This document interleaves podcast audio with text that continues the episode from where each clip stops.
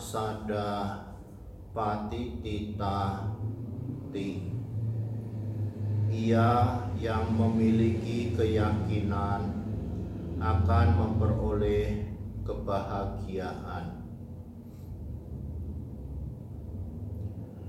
Bapak, Ibu, dan saudara-saudara sedama yang berbahagia. Dhamma kelas masa wasa tahun ini dilakukan dengan cara yang berbeda dibandingkan dengan tahun-tahun yang lampau. Kita tidak bisa bertatap muka, tetapi kita bisa bertemu melalui rekaman khotbah yang bisa didengar oleh para bapak, ibu, saudara-saudari sekalian. Tentu hal ini bisa kita maklumi bersama karena kondisi kita sekarang memang menghendaki keadaan yang seperti itu. Bapak, Ibu, dan saudara-saudari sekalian, meskipun demikian, kita tetap selalu berusaha untuk mempelajari, mendalami dhamma ajaran dari Guru Agung Buddha Gautama. Terutama sekali pada saat kita mengalami kondisi yang seperti sekarang ini kita semua hendaknya terus menjaga keyakinan kita terhadap dhamma ajaran dari Guru Agung Buddha Gautama. Bapak Ibu, saudara-saudari sekalian, keyakinan terhadap dhamma ini perlu kita rawat, perlu kita jaga. Karena apa? Karena keyakinan ini bisa bertumbuh menjadi lebih kuat, tetapi bisa juga keyakinan ini menurun menjadi makin lemah. Oleh karena itulah kita tentu perlu berusaha agar keyakinan kita terhadap dhamma terus berkembang, terus bertumbuh agar supaya tetap kuat dan makin kuat, makin kuat lagi. Bapak, Ibu, saudara-saudari sekalian, Yang namanya keyakinan itu sendiri adalah kemantapan hati, keteguhan hati terhadap sesuatu hal yang memang kita pandang hal itu sangat berguna, sangat bermanfaat, memberikan manfaat buat kehidupan kita. Nah, untuk mendapatkan yang namanya keteguhan hati atau kemantapan hati ini kita perlu sekali melakukan usaha-usaha melakukan apa yang bisa kita lakukan agar supaya kita makin menjadi mantap, makin menjadi teguh hati kita ya, terhadap dhamma. Apa yang sebenarnya kita hadapi pada saat kita berusaha untuk memantapkan, meneguhkan pikiran kita terhadap dhamma itu. Yang sering kali kita hadapi adalah yang namanya keraguan-raguan. Keraguan-raguan itu sendiri, Bapak Ibu, Saudara sekalian, memang ada dua macam. Ada keraguan-raguan yang positif, ya Keraguan-keraguan yang positif ini adalah keraguan-keraguan yang membuat kita menjadi hati-hati, menjadi tidak sembarangan melakukan sesuatu, tidak mau cepat-cepat untuk melakukan sesuatu. Misalnya saja, pada saat kita ragu-ragu saat menyeberang jalan raya yang ramai kendaraan berseliweran. Tentu di situ membuat kita menjadi lebih hati-hati, tidak cepat-cepat menyeberang jalan raya itu karena nanti kita bisa kena musibah. Nah, jadi itu tentu keraguan-keraguan yang maksudnya membuat kita itu ya, menjadi supaya lebih hati-hati, lebih waspada. Tetapi ada juga keraguan-keraguan yang negatif, Bapak Ibu Saudara sekalian. Keraguan-keraguan yang negatif itu yang membuat orang menjadi tidak pasti mau melakukan apa saja ragu-ragu, tidak punya kepastian. Yang muncul kekhawatiran-kekhawatiran. Mau melakukan sesuatu khawatir tidak berhasil, khawatir gagal. Mau membuka usaha khawatir tidak bisa maju. Nah, keraguan-raguan seperti itu adalah keraguan-raguan yang negatif. Dan keraguan-raguan yang seperti itu akan membuat hidup kita itu menjadi tidak bisa maju. Kita tidak berani untuk mengambil resiko. Kita menjadi orang yang serba takut kalau mau melakukan sesuatu. Nah, tentu keraguan-keraguan yang macam ini ada macam ini adalah keraguan-keraguan yang jelek buat hidup kita. Ya, tidak bermanfaat buat hidup kita. Sehingga membuat kita itu menjadi tidak bisa berkembang tidak bisa maju menjalani hidup ini.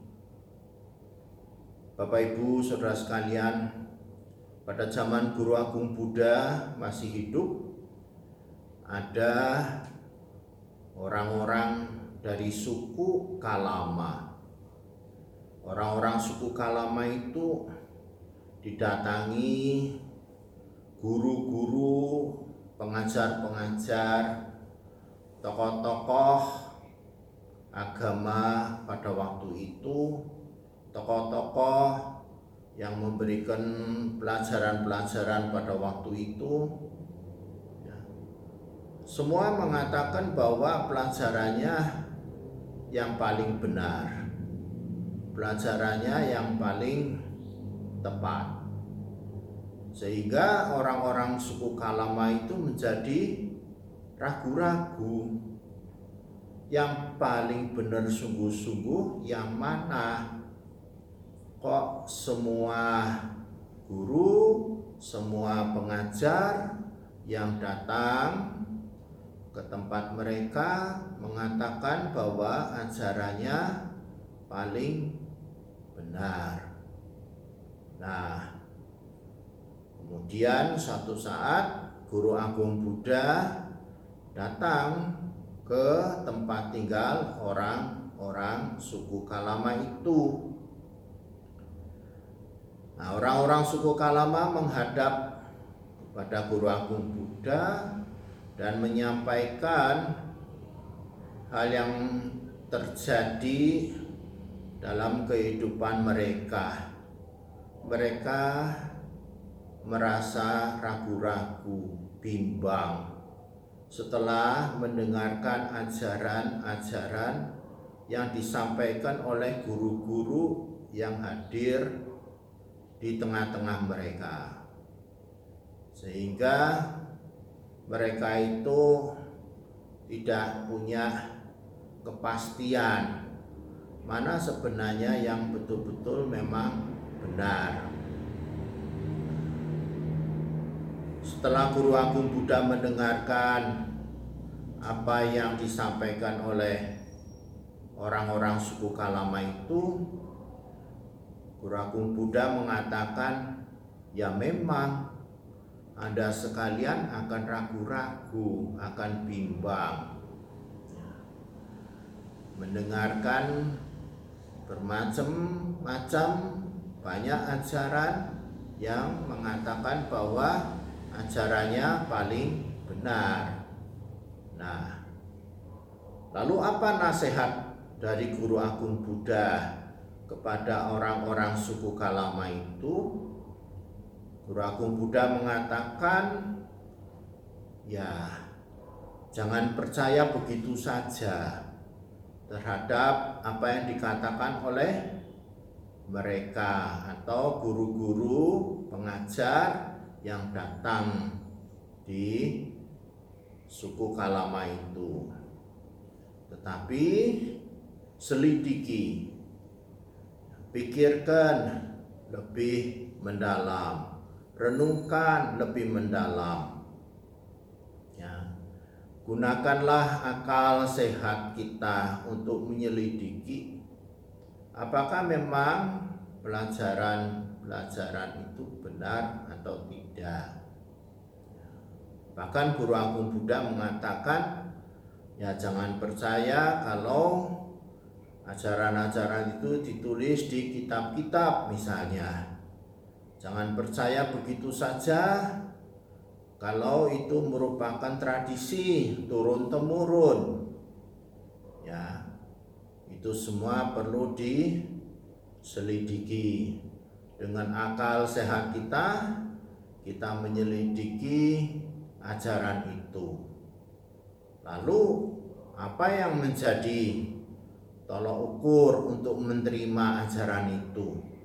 Guru Agung Buddha mengatakan bahwa kalau ajaran itu bisa membebaskan atau melenyapkan hidup kita dari penderitaan, nah terimalah ajaran itu ya kalau ajaran itu tidak bisa membuat kita bebas dari penderitaan. Kita bisa melenyapkan penderitaan. Ya jangan diterima ajaran itu. Jadi Bapak Ibu Saudara sekalian ya kita menyelidiki ajaran itu. Kalau memang bisa untuk mengatasi penderitaan hidup kita bisa membuat kita bebas daripada penderitaan ya terimalah ajaran itu lakukanlah ajaran itu agar betul-betul kita bisa bebas dari penderitaan. Nah jadi Bapak Ibu dan saudara-saudara sekalian ya tentu kalau kita belajar dhamma lebih mendalam lagi ya bahwa apa yang bisa membuat kita bebas dari penderitaan adalah kalau kita bisa mengikis, mengurangi, bahkan menghilangkan kotoran-kotoran batin kita. Ya, jadi keserakahan, kebencian, kebodohan, keegoan itulah ya yang merupakan kotoran batin kita yang akan menyebabkan kita hidup menderita. Oleh karena itulah ajaran-ajaran yang ya, tidak mengandung keserakahan, tidak mengandung kebencian, kebodohan, keegoan. Ya, terimalah ajaran-ajaran itu, lakukanlah ajaran-ajaran itu, karena ajaran-ajaran itu bisa membuat hidup kita bebas dari penderitaan. Ya, Bapak Ibu, Saudara sekalian, dari kisah orang-orang suku Kalama itu kita dapat mengetahui bahwa ya, kita akan bisa memiliki keyakinan apabila kita mengerti, memahami lebih dulu. Berusahalah kita itu mengerti dan memahami. Ya, dengan kita mengerti, memahami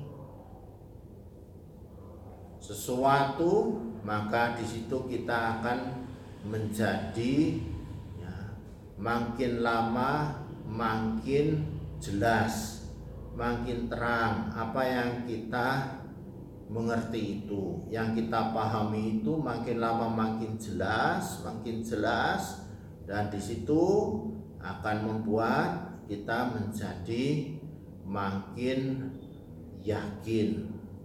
Ya, makin mantap. Pengertiannya itu makin mendalam makin kuat. Nah itulah yang membuat kita menjadi makin mantap ya, pengertian kita makin kokoh, teguh pengertian kita dan itulah keyakinan. Ya, jadi kalau kita belajar dhamma, belajar ajaran Sang Buddha, ya tentu kita tidak bisa belajar hanya sempitas.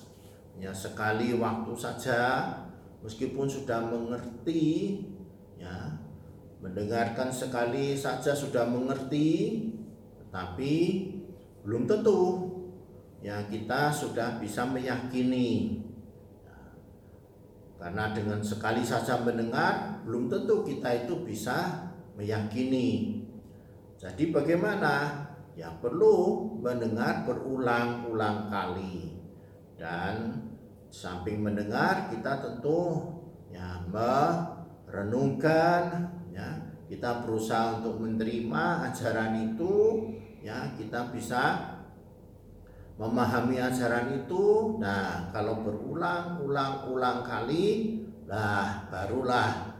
Ya yang namanya pengertiannya itu makin kuat. Pengertiannya makin kokoh. Di situlah nanti muncul yang namanya keyakinan terhadap pengertian itu Misalnya kalau kita mendengar ajaran hukum karma. Ajaran hukum karma tentu saja Bapak Ibu sudah pahami itu merupakan ajaran sebab akibat dari perbuatan ya. Yang berbuat baik akan mendapatkan hasil akibat yang baik. Yang berbuat buruk akan mendapatkan hasil akibat Nah, ini tidak bisa hanya sekali saja didengar. Bisa jadi kalau kita hanya mendengarkan sekali saja, ya kalau ditanya sudah tahu belum? Tahu, memang. Sudah ngerti belum? Ya ngerti. Tapi ya belum tentu itu sudah meyakini. Karena apa? Karena ya pengertian itu sendiri juga lemah sebenarnya. Pengertian itu juga bisa berubah. Ya, pengertian yang berubah ya tentu akan membuat kita menjadi tidak bisa meyakini. Ya, justru kalau kita berulang-ulang ya, mendengarkan ajaran mengenai hukum karma itu berulang kali, berulang kali, maka di situ kita akan makin mengerti, makin mengerti dan makin memahami, ya, makin bisa menerima ajaran yang namanya sebab akibat perbuatan itu yang berbuat baik akan mendapat kebaikan, yang berbuat buruk akan mendapat keburukan. Ya, makin menjadi jelas. Nah, kalau sudah makin jelas, makin jelas, makin jelas, tidak ada keraguan-raguan lagi. Tidak ada ya yang namanya pertanyaan-pertanyaan yang meragukan lagi, tidak ada Lalu ya sudah terang, sudah jelas. Nah, di situlah akan muncul yang namanya keyakinan. Keyakinan terhadap hukum karma itu, yaitu siapa yang berbuat baik akan mendapatkan kebaikan, yang berbuat buruk akan mendapatkan ya keburukan. Nah, itu ya, jadi keyakinan ini perlu di pupuk perlu diusahakan ya perlu di ya, timbun terus menerus terus menerus supaya memiliki kekuatan dari keyakinan itu kalau keyakinan itu sudah kuat lalu bagaimana ini akan mempengaruhi mempengaruhi cara berpikir kita model berpikir kita gaya berpikir kita, style berpikir kita. Ya. Otomatis itu akan dipengaruhi oleh ya, keyakinan yang kuat itu tadi. Ya, pengertian yang sudah tebal itu pasti akan mempengaruhi gaya berpikir kita sehingga kalau kita dalam kehidupan sehari-hari menghadapi apa pun juga ya, mengalami apa pun juga ya kita lalu selalu berpikir seperti ya hukum karma itu ya ini yang berbuat baik akan mendapat kebaikan yang berbuat buruk akan mendapatkan keburukan. Nah di situ ya gaya berpikir kita seperti itu pasti. Tidak akan kita berpikir misalnya ya menyalahkan orang lain begitu saja ataupun ya berpikir bermacam-macam disebabkan oleh orang lain disebabkan oleh siapa-siapa? Tidak. Tetapi kita akan berpikir bahwa ah ini ya akibat dari perbuatan ya saya sendiri. Nah baik suka maupun duka ini juga akibat dari perbuatan saya sendiri. Ya, di situlah ya yang namanya keyakinan itu akan bisa menentukan corak berpikir kita. Dan lebih daripada itu, kalau corak berpikir kita sudah ditentukan oleh keyakinan, tentu nanti apa yang kita lakukan apa yang kita ucapkan nah itu akan dipengaruhi juga oleh ya, corak berpikir kita itu tadi kalau kita sudah berpikirnya itu adalah berpikir model atau stylenya itu style hukum karma nah apa pun yang kita lakukan nah ini sebenarnya adalah perbuatan yang kita lakukan nanti akan berbuah buat hidup kita. Jadi di situ ya keyakinan terhadap hukum karma itu akan menyebabkan kita menjadi tentu lebih hati-hati di dalam berbuat, tidak sembarangan dan ada yang namanya otapa ya. Otapa itu adalah ya kita mengerti tahu ya ada akibat daripada perbuatan ya. Jadi kalau kita berbuat yang buruk waduh nanti kita akan menanggung akibat dari perbuatan buruk kita. Nah gitu.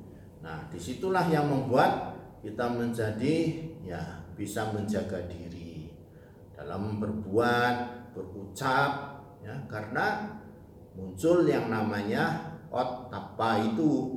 Nah kita ingat kepada akibat-akibat yang buruk dari perbuatan kita.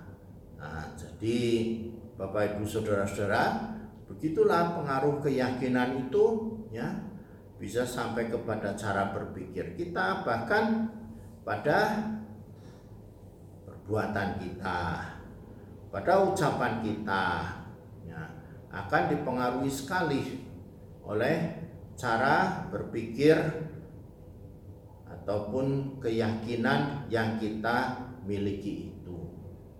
Maka itulah ya memang kita perlu selalu berusaha memiliki keyakinan yang benar ya, keyakinan yang sesuai dengan dhamma. Hati-hati Bapak Ibu Saudara sekalian kalau sampai kita memiliki keyakinan yang tidak sesuai dengan dhamma. Tentu keyakinannya tidak sesuai dengan dhamma akan menentukan cara berpikir kita juga. Ya, style berpikir kita juga dan menentukan perbuatan, menentukan ucapan kita juga ditentukan dari keyakinan itu. Nah, kalau keyakinan-keyakinan yang kita ikuti adalah keyakinan-keyakinan yang buruk, ya, yang jahat, nah cara berpikir kita, cara berpikir yang buruk, yang jahat. Akibatnya perbuatan kita, ucapan kita juga menjadi buruk ataupun jahat itu. Nah, itu yang perlu kita waspadai. Jangan sampai yang namanya keyakinan kita ini ya lalu masuk atau keyakinan kita itu mempunyai keyakinan-keyakinan yang buruk yang jelek. Keyakinan yang lain adalah keyakinan terhadap ketidakkekalan atau anicca Ketidakkekalan ini merupakan satu sifat atau corak daripada segala sesuatu yang ada di dalam kehidupan kita. Jadi, Bapak Ibu Saudara sekalian tentu sudah mengerti yang namanya tidak kekal itu adalah perubahan. Nah, perubahan yang terus menerus kesementaraan nah bisa jadi kita mudah mengerti hal itu yaitu perubahan ya ketidakkekalan itu ya. Tapi sebenarnya yang namanya pengertian ketidakkekalan atau anicca ini perlu terus menerus kita dalami kita pahami ulang-ulang mendengarkan ulang-ulang untuk menerima ya, ketidakkekalan itu sampai-sampai menjadi satu bentuk pengertian yang kuat sehingga menjadi keyakinan. Nah, kalau kita sudah mempunyai pengertian yang kuat terhadap ketidakkekalan yang terjadi di mana pun juga pada siapa pun juga itu ya itu akan menentukan cara berpikir kita juga ya, cara berpikir kita juga seperti itu ya bahwa yang kita hadapi yang kita alami ini sebenarnya tidak kekal, hanya sementara. Ya. Kebahagiaan juga sementara. Penderitaan juga sementara. Nah, dari situlah kita akan melihat bahwa ya apa pun yang kita alami, apa pun yang kita hadapi ini tidak akan terus menerus kita mengalami seperti itu. Ya. Oleh karena itulah kalau terjadi perubahan terhadap kebahagiaan ya kita akan mengerti lebih dulu. Kita sudah tahu bahwa oh itu memang ya wajar yang namanya perubahan. Itu adalah ketidakkekalan. Demikian juga kalau kita mengalami penderitaan kita juga tidak akan putus asa tidak akan menjadi malah menderita sekali. Bahkan punya pikiran yang buruk misalnya.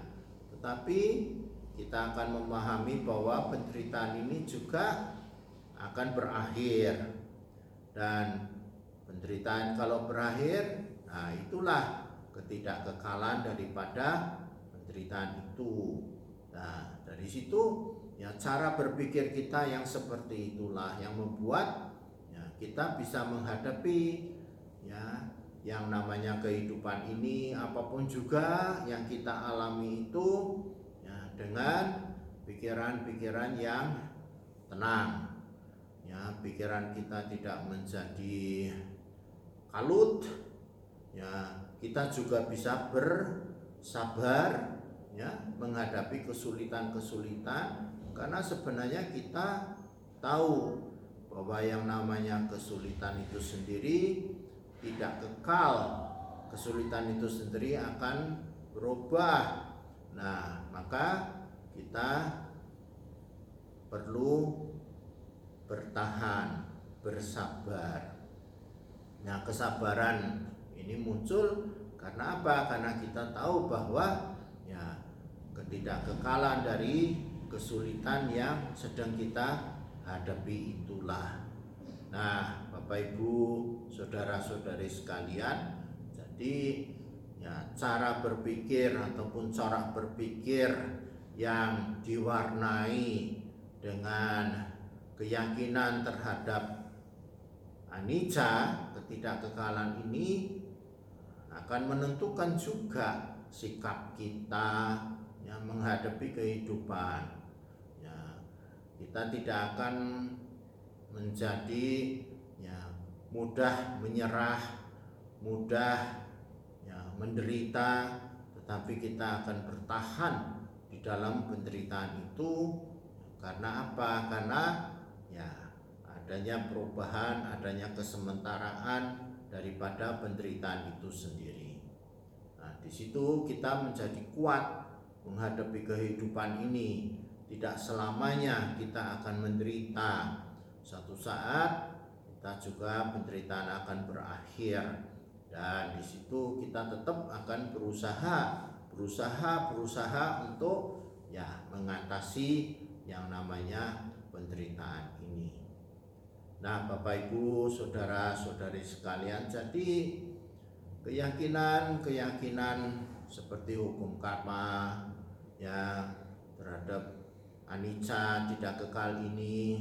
Ini semua sebenarnya merupakan ya keyakinan-keyakinan yang sangat diperlukan menghadapi kehidupan kita ya.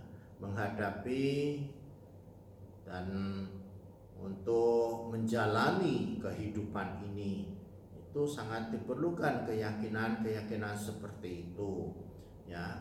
Itu yang membuat ya kita bisa menjalani kehidupan ini ya dengan tenang dan tentu bisa menyelesaikan permasalahan-permasalahan dari kehidupan ini dengan sebaik-baiknya.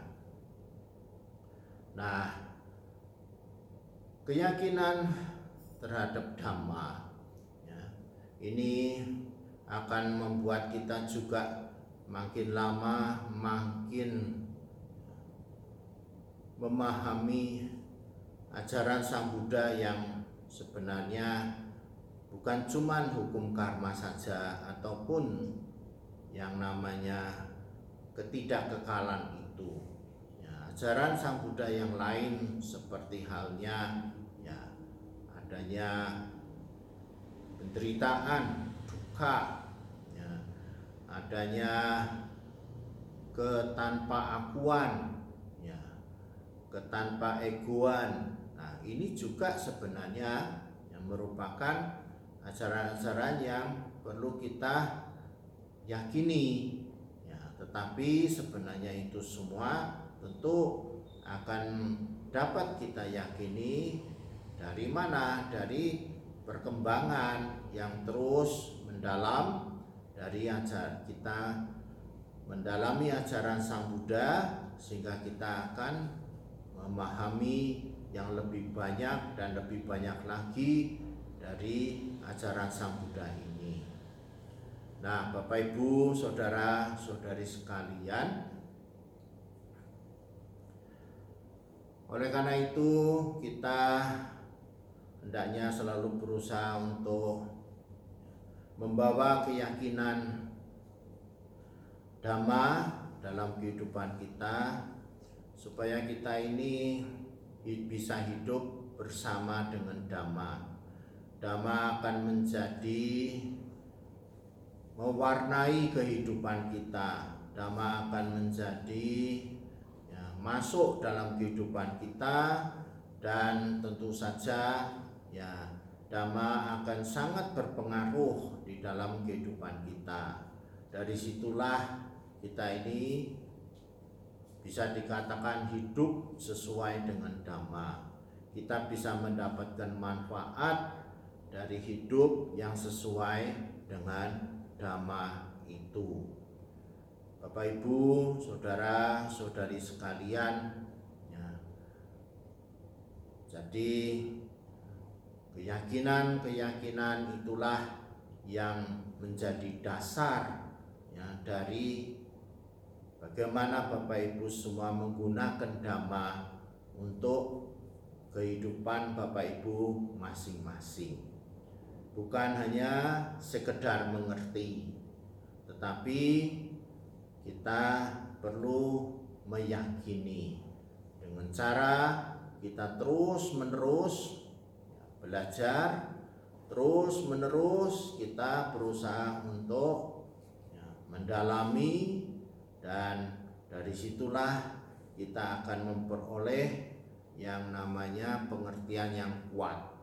Dan pengertian yang kuat itu akan menjadikan keyakinan kita itu menjadi tumbuh ya kemantapan hati kita kepada dhamma menjadi tumbuh dari situ keyakinan itu yang tumbuh akan bisa menentukan corak hidup, corak pikir kita ya.